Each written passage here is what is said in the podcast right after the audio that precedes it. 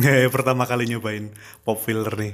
Kemarin belum nyobain gara-gara dipakai tamu.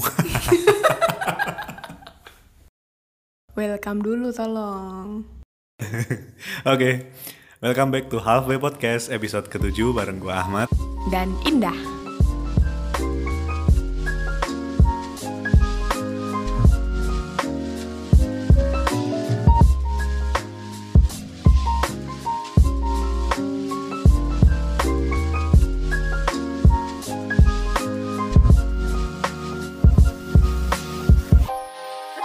Ini Mbak, Kak gua ada cerita bagus nih tadi pagi nih. Baru tadi pagi banget.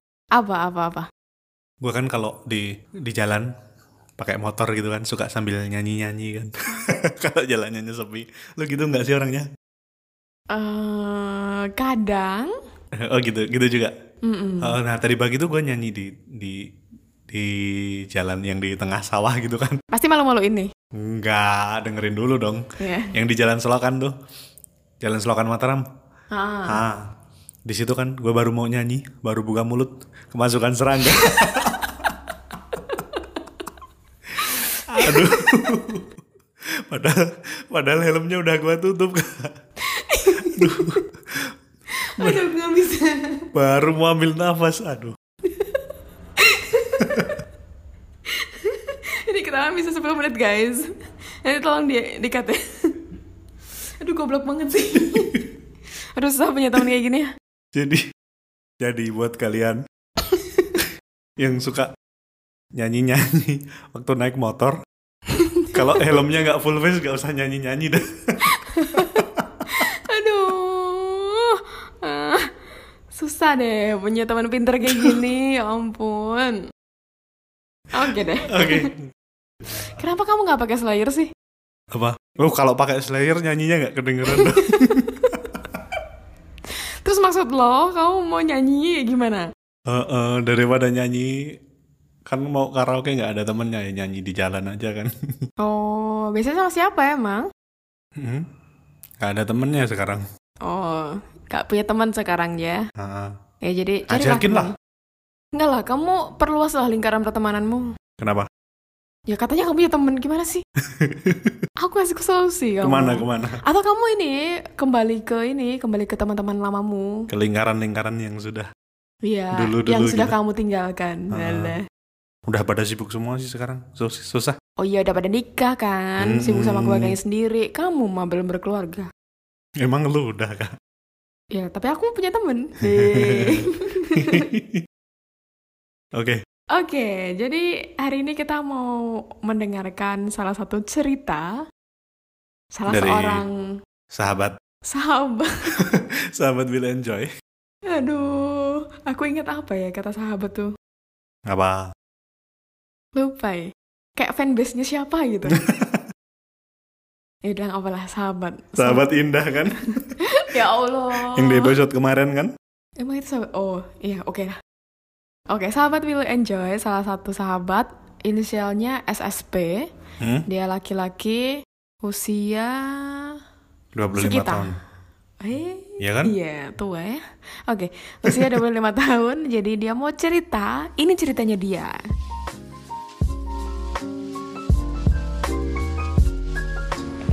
Hai Indah, hai Aziz, saya juga para pendengar HP Podcast. Di sini aku menceritakan pengalamanku eh, tentang relationshipku dengan mantan pacarku. Dulu pertama kali ketemu dan pertama kali kenal sewaktu kelas 10 SMA. Dulu kita sekelas. Dan karena sekelas itu kita jadi deket, deket, deket. Jadi saling merasa nyaman terus akhirnya kita pacaran. Kita dulu pacaran nggak lama cuma berapa bulan aja. Terus akhirnya putus. Setelah putus kita jadi temen biasa. Ya kalau ketemu sekedar say hi aja. Terus di waktu kelas 12 kita sempat deket lagi. Sempat deket tapi kita punya komitmen kalau kita nggak nggak akan pacaran karena kita fokus ujian nasional sama ujian masuk kuliah. Aku lulus SMA tahun 2012. Oh, sekedar info aku dulu eh, nggak keterima kuliah tahun 2012. Jadi aku sempat nganggur, nganggur kuliah, tapi sempat kerja juga berapa bulan. Terus di tahun 2013 aku daftar sekolah kedinasan, eh, salah satu sekolah kedinasan ya. Alhamdulillah keterima dan kuliah di salah satu kota besar di Sulawesi. Di suatu kuliah itu kita sempat deket lagi, chattingan, SMS-an, teleponan juga. Lalu entah kenapa dia ngilang lagi, ngilang tanda kutip ya.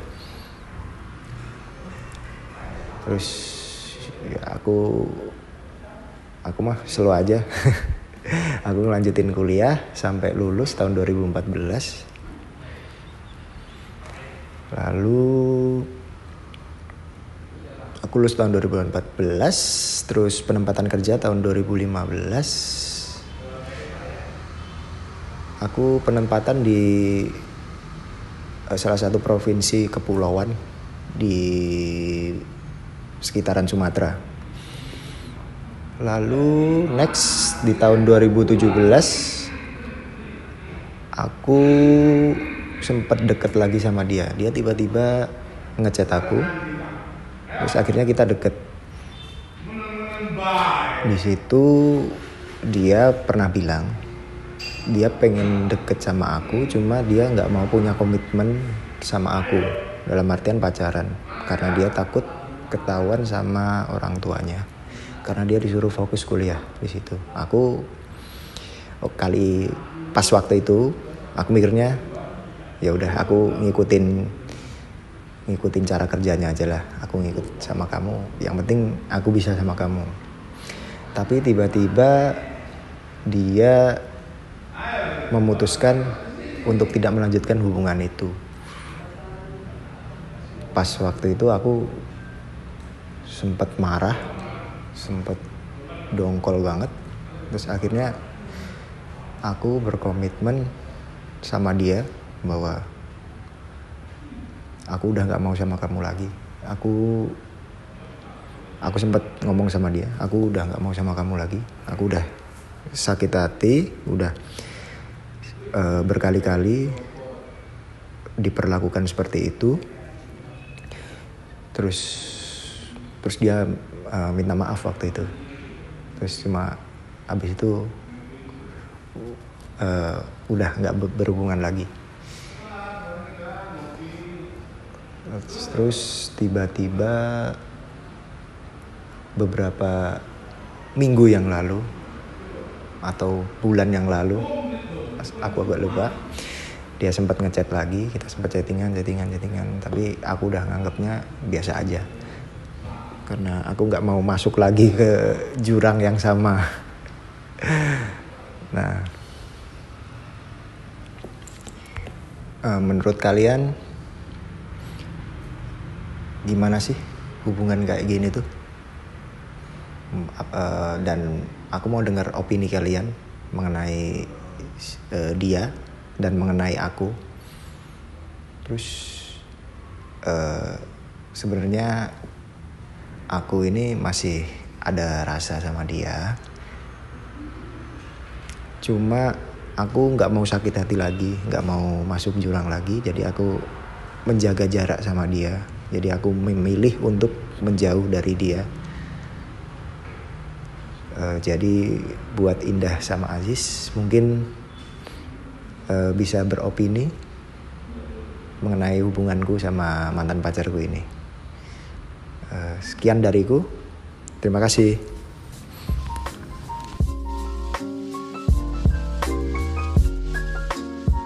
Oke, itu tadi cerita dari sahabat kita ya. Menurut, yeah. menurut lo gimana kak dari ceritanya? Ya ini kan kita cuma tahu cerita dari permukaan aja ya, dan mungkin dia juga nggak mendetailkan ceritanya. Uh gitu. Kalau dari cerita yang disampaikan tadi, sekilas tadi, sepertinya tuh ada ketidakjelasan gitu dalam hubungan mereka gitu. Uh. Jadi perasaan tidak pasti di dua orang itu yang membuat hubungan itu nggak jelas gitu. Uh. Kalau menurut gue ini sih mereka nggak ada komunikasi nggak sih? Iya benar, mungkin komunikasinya yang kurang efektif kali ya. Jadinya kan sama-sama mungkin berasumsi A, B, C gitu tanpa uh. dikonfirmasi. Nah itu sih Terus gimana sih caranya biar mereka apa ya? Aku nggak tahu nih tujuannya apa nih mereka mau balikan apa mau enggak nih. Uh, Terus gimana sih cara membuat hubungan itu bisa berjalan gitu? Nah sebelum kita bahas jawabannya kayak gimana, Oke. Kita ini dulu deh bahas dulu deh awalnya itu ketika kita milih pasangan, Hmm. kita sebenarnya milihnya itu berdasarkan apa sih? Apakah kita milih yang ganteng? Apakah kita milih yang kaya? Hmm. Yang punya kerjaan bagus? Atau yang punya mobil bagus? Atau secara finansial dia udah oke gitu? Hmm. Gimana sih gitu? Kayak salah nggak sih kita milih kayak gitu gitu? Hmm, kalau menurut gua sih, hmm, kalau menurut gua sih eh, itu tergantung dari masing-masing ya. Tapi kalau bicara soal itu tadi, itu terlalu dangkal nggak sih? Ah, jadi kayak baru permukaan aja kita ngeliat dia dari Iya. luarnya tuh kayak gitu gitu. Ah, jadi masih apa ya? Perlu digali lebih dalam lagi sih. Sedalam apa? Sedalam palung Mariana. Ah, lu mau bilang sedalam cintaku padamu gitu kan? Enggak. itu udah pernah di episode berapa nggak sih? iya benar benar benar. Jadi kayak eh, kita nyari yang good looking tapi kita juga harus menggali good lookingnya dia yang inside gitu ya. Hmm. Yang dalam tuh kayak gimana gitu. Entah gimana sih dia caranya manage emosinya dia, gimana caranya dia berkomunikasi, gimana caranya dia apa menunjukkan empatinya atau ya banyak sih sebenarnya. Iya. Dan ini yang mau kita bahas hari ini Hmm. gitu. Sambil menjawab dari cerita sahabat kita tadi ya. Iya, sambil menjawab cerita dari sahabat sahabat kita tadi yang bercerita tentang apa nih kesulitannya dalam uh, menjalin hubungan di masa lalu, kayak ada kesalahpahaman, terus kebutuhannya beda gitu, misalnya pasangannya pengennya kayak gini, dia kayak gini gitu, terus pada akhirnya nggak jalan gitu. Nah itu tuh apa sih yang kurang di situ gitu, kayak kalau resep makanan tuh kayak bumbunya apa sih yang kurang gitu ya? Oke, jadi gimana sebenarnya kalau healthy relationship apa ya hubungan yang sehat, hubungan yang berfungsi itu yang kayak gimana sih gitu? Oke, oh, bagaimana hubungan yang sehat ya? Kalau menurut gua komunikasi yang paling penting ya. Lu setuju nggak kak? Setuju banget karena tema tesisku adalah komunikasi. Oke. jadi sekalian iklan boleh nggak? By the way, sampai mana tesis? Sebuah pertanyaan yang tidak perlu jawaban secara verbal. Oke. Kamu udah tahu lihat mukaku tuh udah kamu udah tahu jawabannya apa gitu. Oke, jadi sekalian pro, eh sekalian sekalian promosi ya guys. Jadi eh, besok nih aku dan rekanku lah akan membuat suatu, suatu program tentang apa ya komunikasi gitu. Oke. Dan itu untuk penguatan perkawinan di awal menikah gitu. Jadi mungkin usianya di bawah lima tahun pernikahan gitu. Jadi Hmm. ya gitulah. Oke itu bu- buat teman-teman yang baru menikah di usia muda ya. Mungkin Iya. kalau tertarik silahkan Belum belum belum ada Oh, belum. belum. ada belum ada programnya. ngomong aja dulu. baru rencana ya. iya biar jadi, jadi kenyataan kan ngomong aja dulu gitu. Oke. Oke, next. Iya komunikasi itu penting sih Ha-ha. menurut aku gitu. Karena kayak eh kita bisa tahu gimana orang lain kan dengan komunikasi gitu. Iya. Dan orang lain bisa tahu kita dengan cara komunikasi gitu. Hmm. Jadi kayak hal utama yang memang harus dikuasai lah. Dalam relationship untuk komunikasi ya. Iya, dan banyak juga kan kayak mis miskomunikasi gitu kayak misalnya eh ya itu kayak tadi maunya apa, dia maunya apa gitu. Kalau nggak dikomunikasikan ya nggak bakal tahu. Wong pasangan kita juga bukan pembaca pikirannya kita Hmm, gitu. Iya, komunikasi itu harusnya dua arah ya. Jadi dari dari kita maupun dari pasangan harusnya eh, saling memberikan output gitu ya. Iya. Bukan bukan dari salah satu kemudian yang satu mengharapkan gitu kan.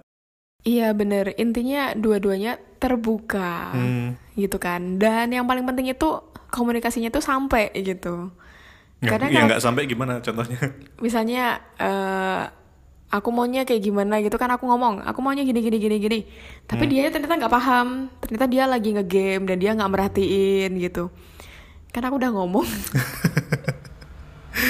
Jadi gitulah, misalnya kayak gitulah. Ha-ha. Jadi harus sam- harus dipahami juga dari pasangan gitu. Kalau kita ngomong aja, dia nggak dengerinnya sama aja. Oke, selain itu mungkin juga gini kak, Eh, pastikan lu ngomongnya tuh sama pasangan lu bukan sama temen lu. ya Eh, enggak sih? eh. ya enggak. iya iya iya, oke. Biasanya kan lebih seneng karena lebih nyaman curhat sama sahabat gitu kan. Terus Ah, eh, ngarepnya tuh pasangan tahu, tapi lu tuh ceritanya sama sahabat lu gimana pasangan lu mau tahu gitu? Oh ya kalau itu gimana caranya tahu kecuali sahabatnya ngomong. Kecuali sahabatnya ember ya. Nah selain terbuka Hah? kan juga harus jujur Oke. gitu. Jadi kayak eh, ngomong apa yang sebenarnya dimaksud, yang dimaksud gitu. Hah. Kayak kadang banyak kode gini gini gini gini, terus nanti kodenya nggak sampai terus marah gitu. Itu kan nggak jelas kayak gitu. Heeh. Jadi kalau emang mau berkomunikasi secara efektif, ya pesannya itu harus jelas gitu. Misalnya em, kamu lagi bete karena pasangan batalin janji. Hah, gitu. janji mau keluar gitu. Mm-mm, janji mau jalan gitu. Cuman karena kamunya cuman kayak ngomongnya nggak apa-apa nggak apa-apa nggak apa-apa. Pasangan kan menangkap bahwa ya Iya, nggak ya beneran nggak apa-apa gitu. Jadi nggak dia pikirin. Iya kan kayak nggak Iya ada kan? masalah kan? Heeh, gimana pasangan lu mau tahu? Emang emang dia emang dia punya alatnya Doraemon. Alat pembaca pikiran. Itu Jain. eh bukan Itu. Doraemon. Astagfirullahaladzim Episode ini ngapain? Iya Kan- gitu Jadi kayak Iya kalau nggak apa-apa ya Means nggak apa-apa gitu Hmm.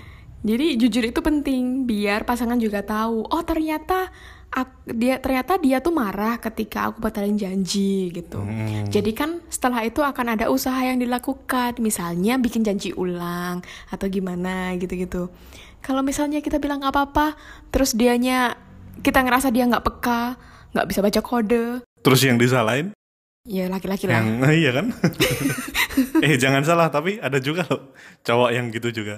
Oh iya ngasih ngode-ngode gitu ya? Heeh. Oh iya iya iya. Kamu pasti. Enggak lah. Gua mau kodein siapa kak? Oh, kode ini nih lah komputer. Coding maksudnya. Aku gak bisa ngelucu, oke. Oke. Ya itu, terbuka, jujur. Terus juga ini yang penting asertif sih. Apaan tuh? Jadi asertif tuh kayak, mengung ya tadi, mirip tadi, kayak mengungkapkan apa yang sebenarnya kita inginkan gitu. Bedanya sama jujur? Jujur itu bagian dari asertif. Iya gak sih? Iya. Oke. Jadi kayak ini, eh, asertif itu sama-sama menang gitu. Hmm. Jadi kayak bukan salah satunya, misalnya kan kalau komunikasi yang agresif itu kan berarti kita menyalahkan orang lain. Berarti Ah. pihak eh, lawan bicara kita itu yang kalah, kita yang menang. Itu agresif. Hmm. Kalau pasif, kayak kita yang kalah, orang lain yang menang. Kayak misalnya dia eh, pengen, eh, dia nyuruh kita eh, melakukan apa gitu, tapi kitanya nggak mau. Hmm. Cuman kita nggak bisa bilang enggak, Itu pasif ya? itu pasif gitu. Kita kalah, dianya menang gitu. Oke. Nah kalau asertif itu tuh sama-sama menang gitu. Jadi kayak misalnya aku janjian nih sama kamu, eh Ahmad aku em, aku bisa rekaman jam 8 misalnya gitu. Hmm. Tapi ternyata kamu tuh jam 8 ada acara gitu. Terus kamu jujur bilang ke aku kalau aku jam 8 ada acara ya gimana kalau jam 10 gitu. Hmm. Terus misalnya aku bilang, ya ternyata aku jam 10 aku nggak bisa gitu. Aku bisanya hari, ya udah kita cari hari lain, hari berikutnya mungkin gitu. Jadi kayak negosiasinya itu tuh jalan gitu Oh, loh. jadi win-win solution ya tetap. Iya, jadi kedua belah pihak itu sama-sama menang gitu. Oke. Nggak ada yang terpaksa ngalah, nggak ada yang tersakiti. Ada.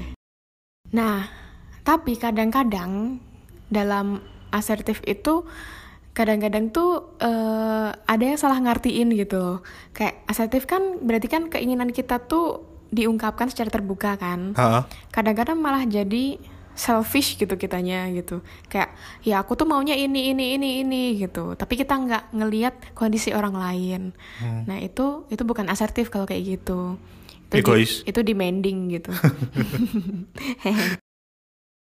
ya gitulah oke Oke. itu komunikasi ya Hmm. jadi mungkin komunikasi itu hal yang sangat perlu tuh untuk dilatih gitu Ya iya harus sama-sama saling iya sama-sama belajar eh, gitu sama-sama diperbaikin misalnya belum baik gitu ya.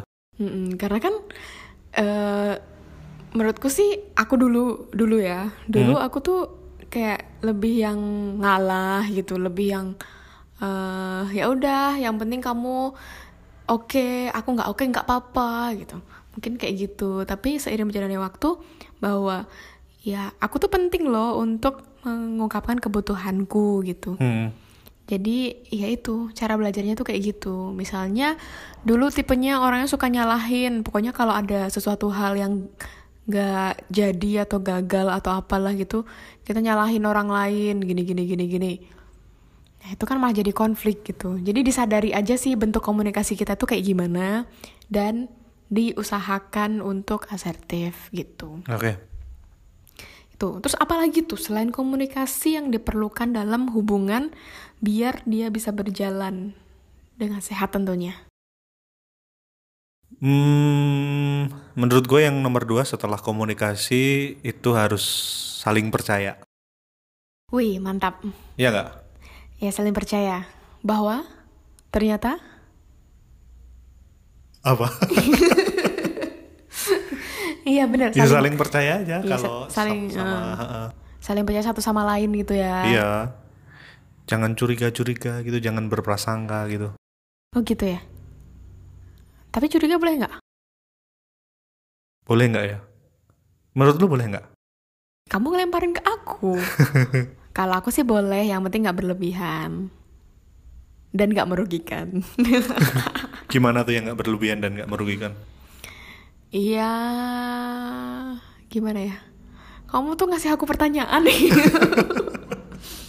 Misalnya kayak aku merasa kok pasanganku semakin lama semakin deket sama si ini gitu. Terus apa yang lu lakukan? Biar nggak berlebihan kan aku nanyain, kamu deket po sama ini gitu. Ah, jadi memastikan dulu ya, bukan Ya, langsung mengambil tindakan gitu ya. ya, tapi kan itu ada curiga kan berarti kan? Ah, iya sih, benar sih. Ya gitulah. Jadi bukan berarti nggak boleh ya. Iya, boleh asalkan tahu tempat. gitu bener. Oke. Boleh. Iya emang. Tapi kamu pernah gak sih rasanya nggak dipercaya gitu? Dicurigain mulu gitu. Belum pernah. Belum pernah. Kamu yang patut dicurigai. Adanya gue yang curigaan dulu. oh, kamu nggak percaya bahwa pasanganmu setia itu malah. Ah, kayak gitulah. Oke, ya bener sih kayak percaya itu penting banget gitu untuk membangun suatu kepercayaan dalam hubungan.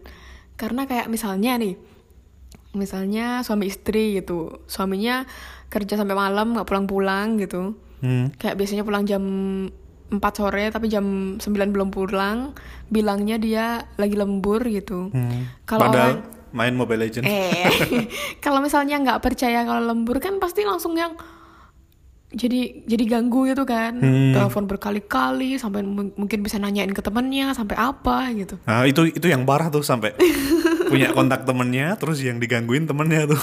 Nah, kayak gitu tuh berarti kan kayak ada ada kepercayaan yang belum penuh dengan pasangan gitu. Hmm.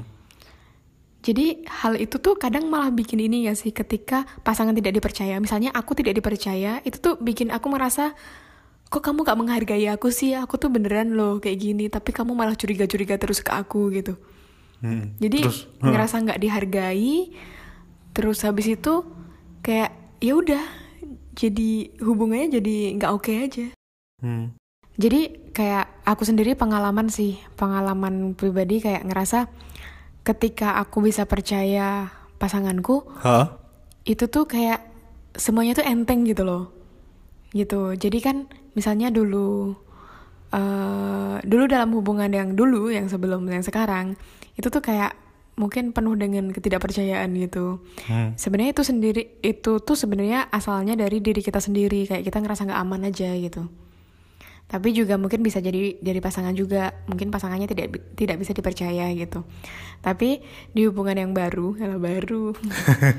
Di hubungan yang baru ini aku ngerasa lebih lost aja gitu. Kayak ya aku intinya aku percaya bahwa dia akan melakukan yang terbaik untuk hubungan ini gitu. Oke. dan itu tuh bikin apa ya bikin tenang sih yang pertama.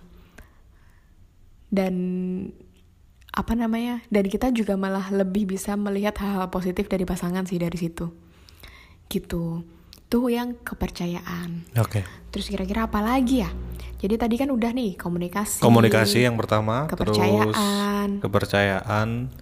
terus apa lagi nih terus juga tadi aku mau nambahin sih yang bagian kejujuran dan keterbukaan itu Hmm. jadi kayak eh, kita juga perlu untuk membuka kayak misalnya mimpi kita tuh apa aja sih? Kita punya mimpi ini mimpi ini. Hmm. terus kita punya harapan apa gitu. Jadi bisa saling paham gitu. Karena bisa jadi kan misalnya aku punya mimpi ini terus aku merasa tidak didukung gitu. Kamu merasa tidak tidak didukung atau kamu nggak pernah cerita itu Iya, benar-benar. jadi itu kayak pentingnya keterbukaan tuh kayak gitu hal-hal simple kayak gitu tapi itu berpengaruh banget buat hubungan sih menurutku. Itu nanti juga larinya ke kesamaan visi misi ya. iya sama kayak hubungan kita tuh mau dibawa ke mana sih gitu. Hmm. terus juga misalnya kayak kejujuran itu kayak kita menampilkan diri kita tuh ya apa adanya gitu genuine gitu. Kayak ya ini tuh kita tuh kayak gini gitu. Kalau misalnya kita pakai topeng kayak kita sengaja melakukan hal-hal yang sebenarnya bukan kita. Hmm. nah itu pada akhirnya kita nggak nyaman dan pasangan juga ngerasa kok ada yang salah ya? Gitu. Gitu. Kayak aku sih pernah pernah pernah punya kenalan gitu kan. Dia itu eh, intinya dia udah tidak bersama dengan pasangannya lagi gitu. Karena dia merasa tidak jadi dirinya sendiri gitu. Oke. Cerai. Iya cerai Oke. jadi tidak merasa jadi dirinya sendiri Hmm. karena eh, mau jujur sama pasangannya tuh berat gitu nah ini juga penting nih bagaimana pasangan itu bisa belajar untuk menerima kejujuran juga gitu jadi kalau kitanya misalnya nih kita lagi deket sama si si orang lain yang selain pasangan gitu Hmm. nah itu tuh kan hal yang seharusnya dilakukan adalah kita jujur nih sama pasangan ya aku deket sama ini loh gitu. Hmm. eh bukan kayak gitu. Kayak eh, bilang kalau ya aku tuh deket sama si ini gitu. Jadi bagaimana masalah itu tuh jadi masalah bareng yang dihadapi bersama gitu. Oh, kayak kayak yang kita bahas di episode kemarin ya. iya. Itu bukan gua lawan elu kan, tapi iya.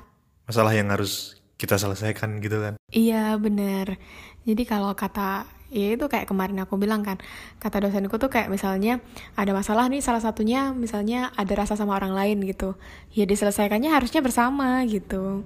Dan pasangan juga harus harus oke. Dan pasangan juga harus belajar kayak menerima bahwa eh kan kemarin kita bahas attraction itu bisa terjadi dalam berbagai bentuk gitu. Iya. jadi kayak ya setidaknya pasangan menerima bahwa oh iya gitu. Ada fasenya di mana gitu gitu kayak pengalaman aja Oke. oke terus apa lagi ya kayak apresiasi gitu saling memberikan apresiasi Oh, itu penting juga tuh. ya Kadang dengan hal-hal kecil gitu yang bisa membuat hubungan lebih harmonis gitu gak sih? Mm-mm.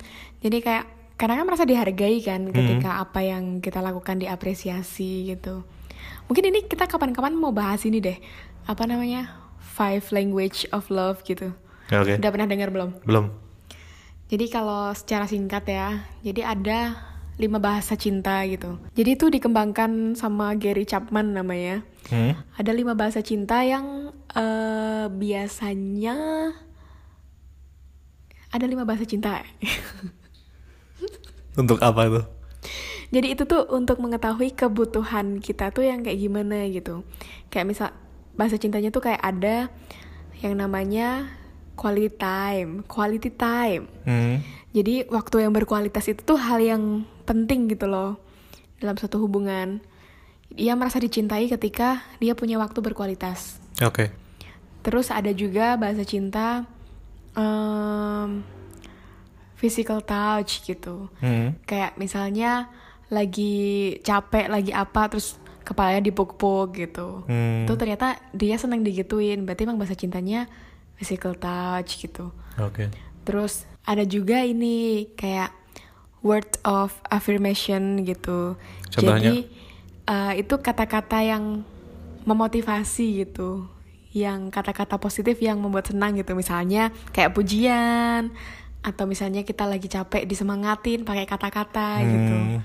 Jadi bisa aja ternyata eh, bahasa cinta kita itu lebih banyak yang itu. Hmm. Kadang itu cuma sepele ya, tapi buat yang mendengar tuh pengaruhnya gede ya. Ya, berarti kan orang itu tuh bahasa cintanya lebih besar ketik dengan word of affirmation gitu. Hmm. Dia lebih seneng dengan kata-kata gitu.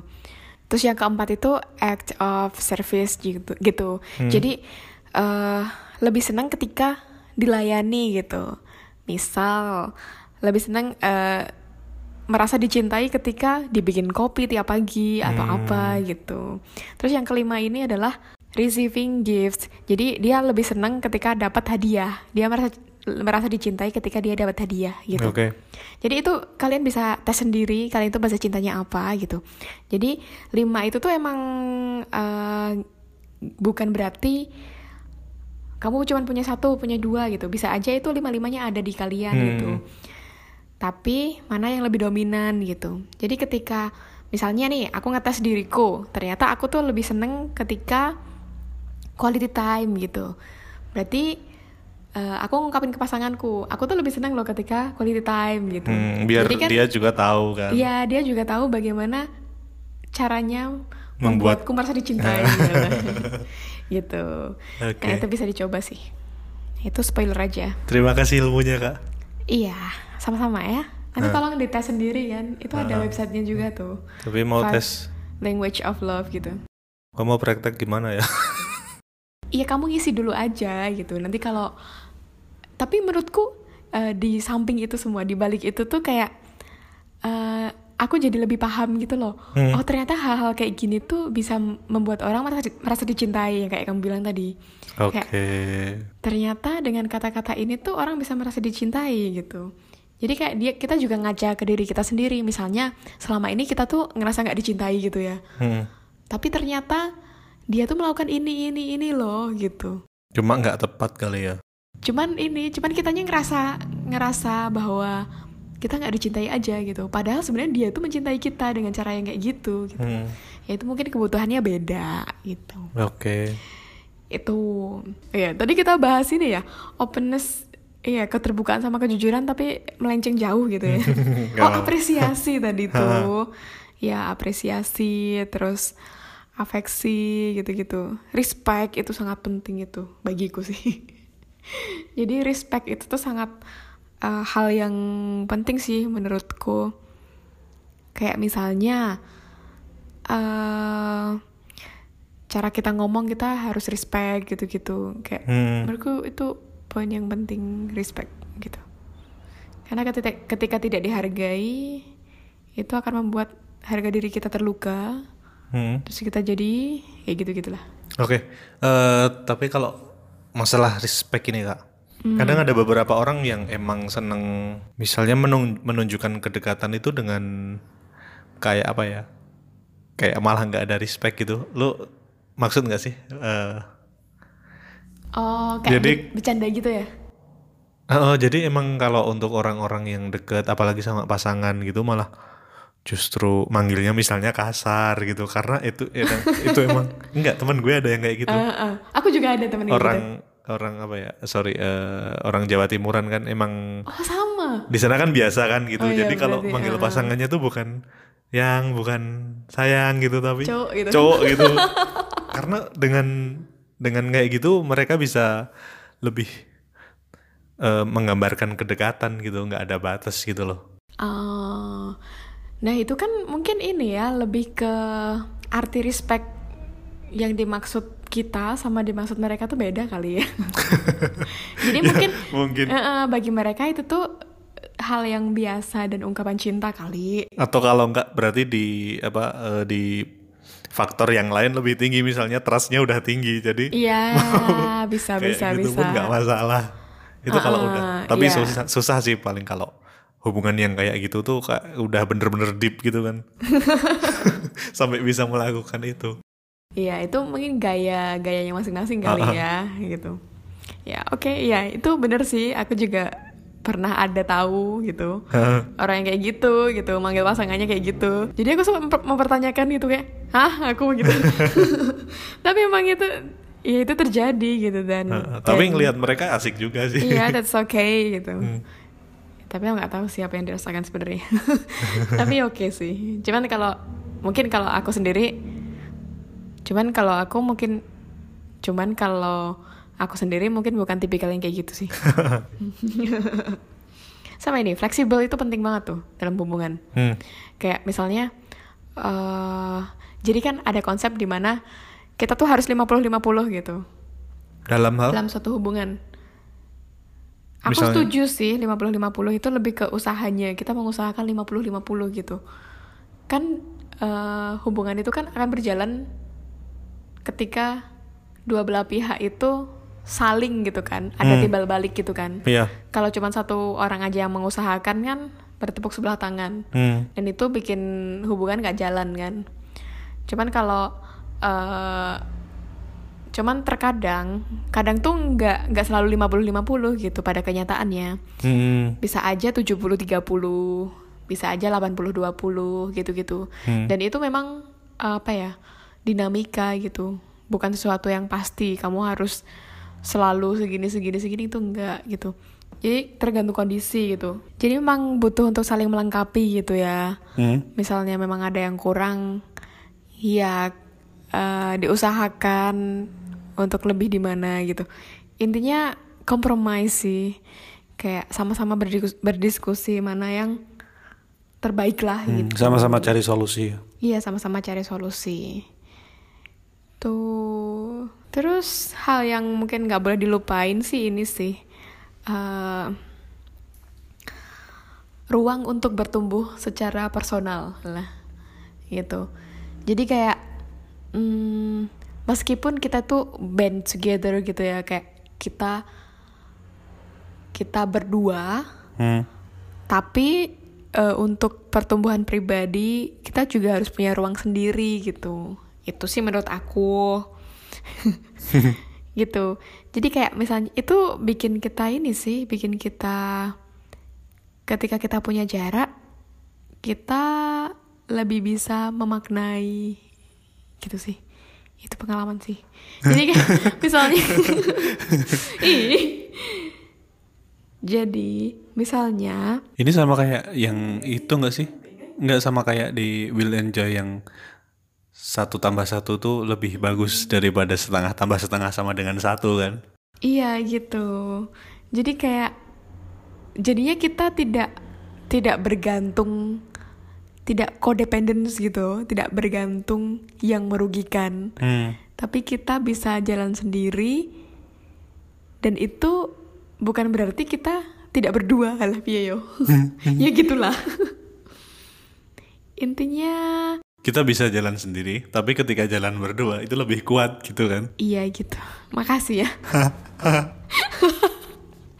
Iya gitulah. Ini tetap ada ruang untuk kita Tumbuh. bertumbuh secara Ah. pribadi gitu. Dan hal sederhana kayak sebenarnya kayak waktu untuk me time gitu itu kan penting kan sebenarnya. Jadi kita nggak sama pasangan terus gitu. Kayak misalnya kalau udah nikah nih eh, dalam satu hari misalnya eh, nyisin satu jam untuk pergi nyepal lah, pijet lah, atau apalah gitu. Tapi jangan tiap hari ntar tekor juga. gitu, jadi ada me time lah untuk sendiri gitu. Itu apa ya, lebih menguatkan sih menurutku. Ketika diri sendiri kuat tuh berdua akan lebih kuat. Oke. Eh satu lagi sih kayak boundaries itu juga penting tuh gitu. Jadi misalnya, tapi ini lebih gampang dicontohkan ketika ini ya udah nikah ya. Hmm. Jadi kayak boundaries yang dimaksud tuh misalnya kita udah punya pasangan. Nah, ketika ada masalah, ada sesuatu hal konflik di dalamnya atau gimana, nah sebisa mungkin itu diselesaikannya di dalam situ gitu. Jadi kita ada boundaries, ada batasan juga dari pengaruh luar gitu. Kayak misalnya dari keluarga ikut campur itu kan malah bikin runyam Iya, ya. iya benar-benar. Bikin tambah rumit gitu. Nah, karena gini, eh, aku pernah baca kemarin tuh aku sempat baca gini, orang tua kamu tuh tahu kalau taunya ketika kamu berkonflik gitu. Hmm. Ketika konflik kan dia lapor ke orang tuanya. Jadi orang tuanya tuh cuma tahu ketika kamu berkonflik. Nah, ketika kamu berdamai, orang tua tuh nggak pernah tahu gitu. Hmm. Jadi kayak menurutku ini fenomena yang eh, sering terjadi sih. Kayak misalnya ada masalah dalam rum- rumah tangga, kita pergi ke orang tua gitu. Terus habis itu udah kan selesai, kita damai, orang tua tuh nggak tahu. Jadi Taunya waktu konflik konflik doang ya. Heeh, jadi kepikirannya tuh tetap yang nggak enak aja kan Heeh, gitu. heeh. Kalau enak kan kadang lupa kan udah. Iya. jadi kita kita ngelaporinya ketika kita berkonflik. Tapi ketika kita damai, kadang kita lupa untuk ngabarin juga gitu. Heeh. Itu sih contoh simpel dari boundaries sih kayak gitu. Jadi boundaries itu penting juga dalam hubungan. Terutama juga misalnya kalau udah nikah kan juga ada boundaries kan dari orang-orang luar yang bisa mengganggu hubungan ya. Termasuk sama sahabat ya. termasuk sama teman Iya nggak sih? Lu kalau udah nikah harusnya kalau ada masalah tetap diselesaikan internal dulu nggak sih? Jangan Iya. keluar dulu. ya nanti curhatnya sama teman cowok yang lain Nah itu kan bahaya kan. itu bibit-bibit selingkuh Nah, gitu kan makanya diselesaikan internal aja. iya bener emang Kalau ada masalah, kalau yang dicurhatin jahat, cari celah dia. iya bener cari kesempatan kan Hmm, hmm. kayak udah sama aku aja aku akan menawarkan kebahagiaan bagimu akan Aku tuh menawarkan lebih baik loh. setan banget kamu kalau ngomong kayak gitu ya Dah, dah, dah, kompor Iya. dasar. dasar Ahmad jadi itu sih kayak apa namanya pentingnya boundaries biar nyamannya kita tuh ya sama pasangan gak enaknya juga sama pasangan gitu jadi Iya. gak enak enak gak enak diselesaikannya di dalam gak di luar banyak loh yang kasus-kasus apa namanya kok aku rasa lebih nyaman ya sama si dia gitu ya iyalah kamu bosen aja tuh sama pasanganmu gitu itu butuh refreshing, nyari Iya. tempat baru tuh. nah untuk refreshing itu sebenarnya nggak perlu kayak gitu gitu kan cuman butuh upgrade hubungan lah Hmm. Jadi kalau bosan ngomong ya. ya kalau bosan ngomong terus cari solusi bareng misalnya main game Hmm. terus main tebak-tebakan Main peta umpet. gitu juga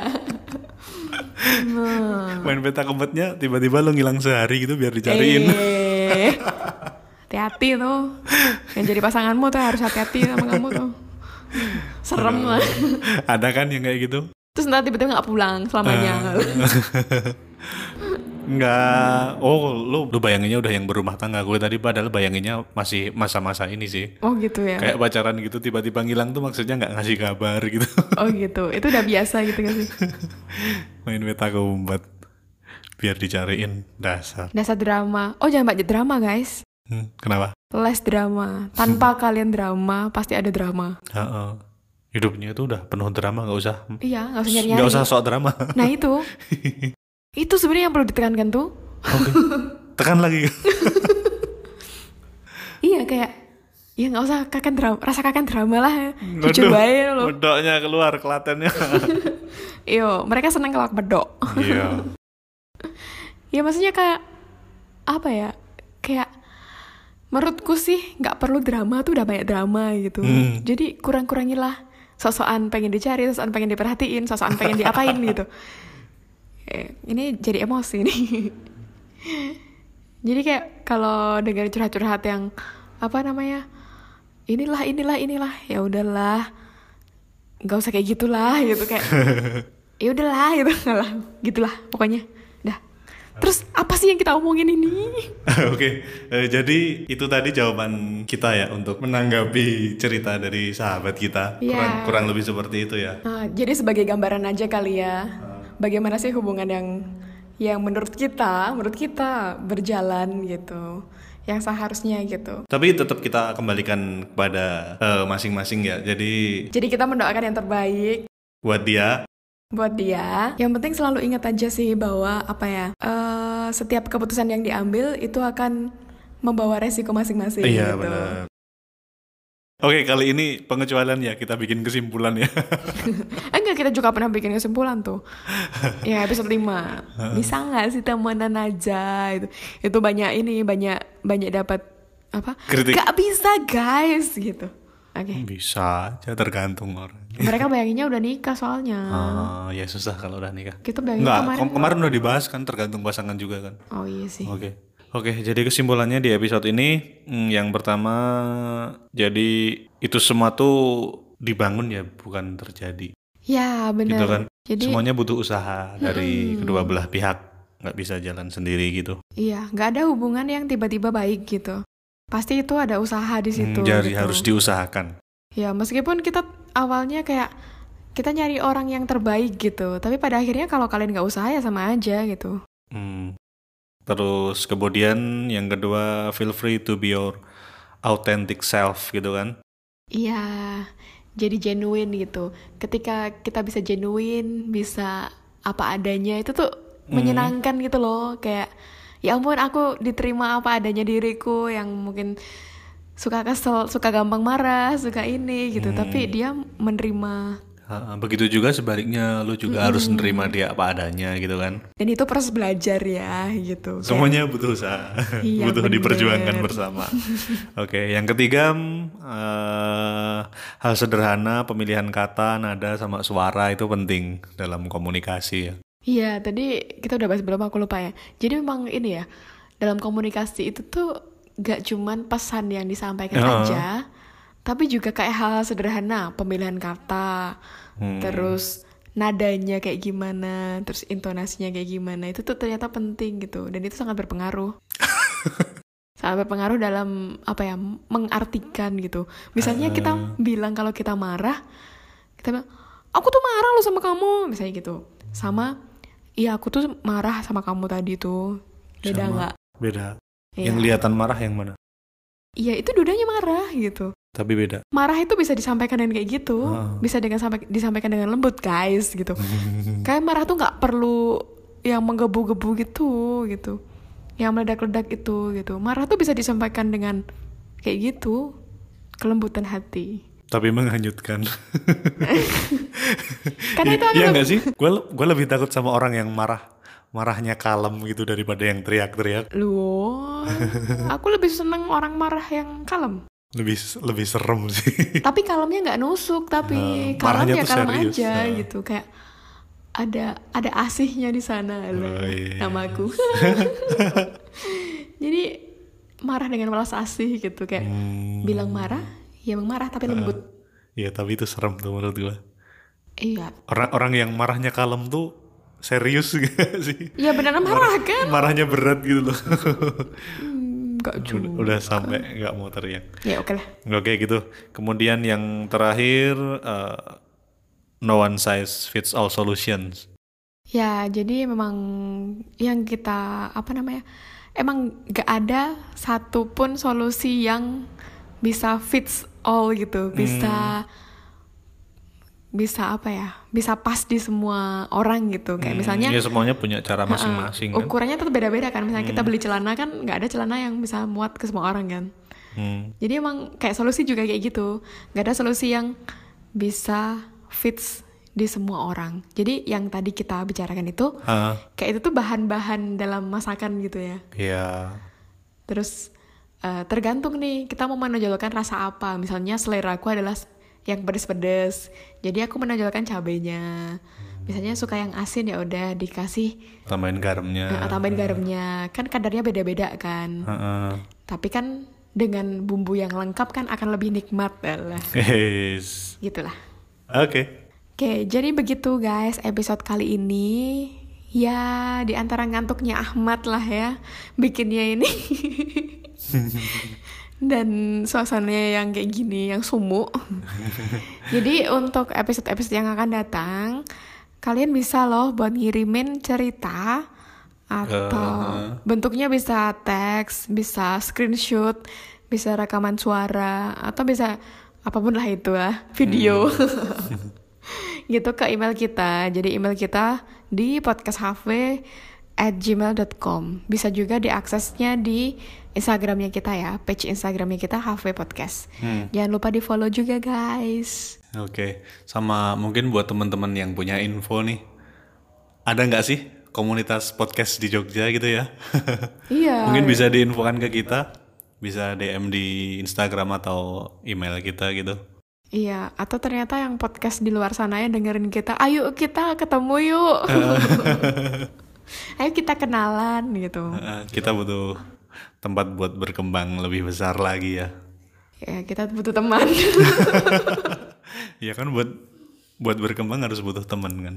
oh gitu. Gitu, iya. Harusnya kita segera nikah sih yang ada teman hidup. Hmm, ya udah lu duluan kak. Enggak. Kamu aja? Ya udah oke. Oke. Ya kok gitu sih harusnya kamu ngeyel. Oke, bye. bye.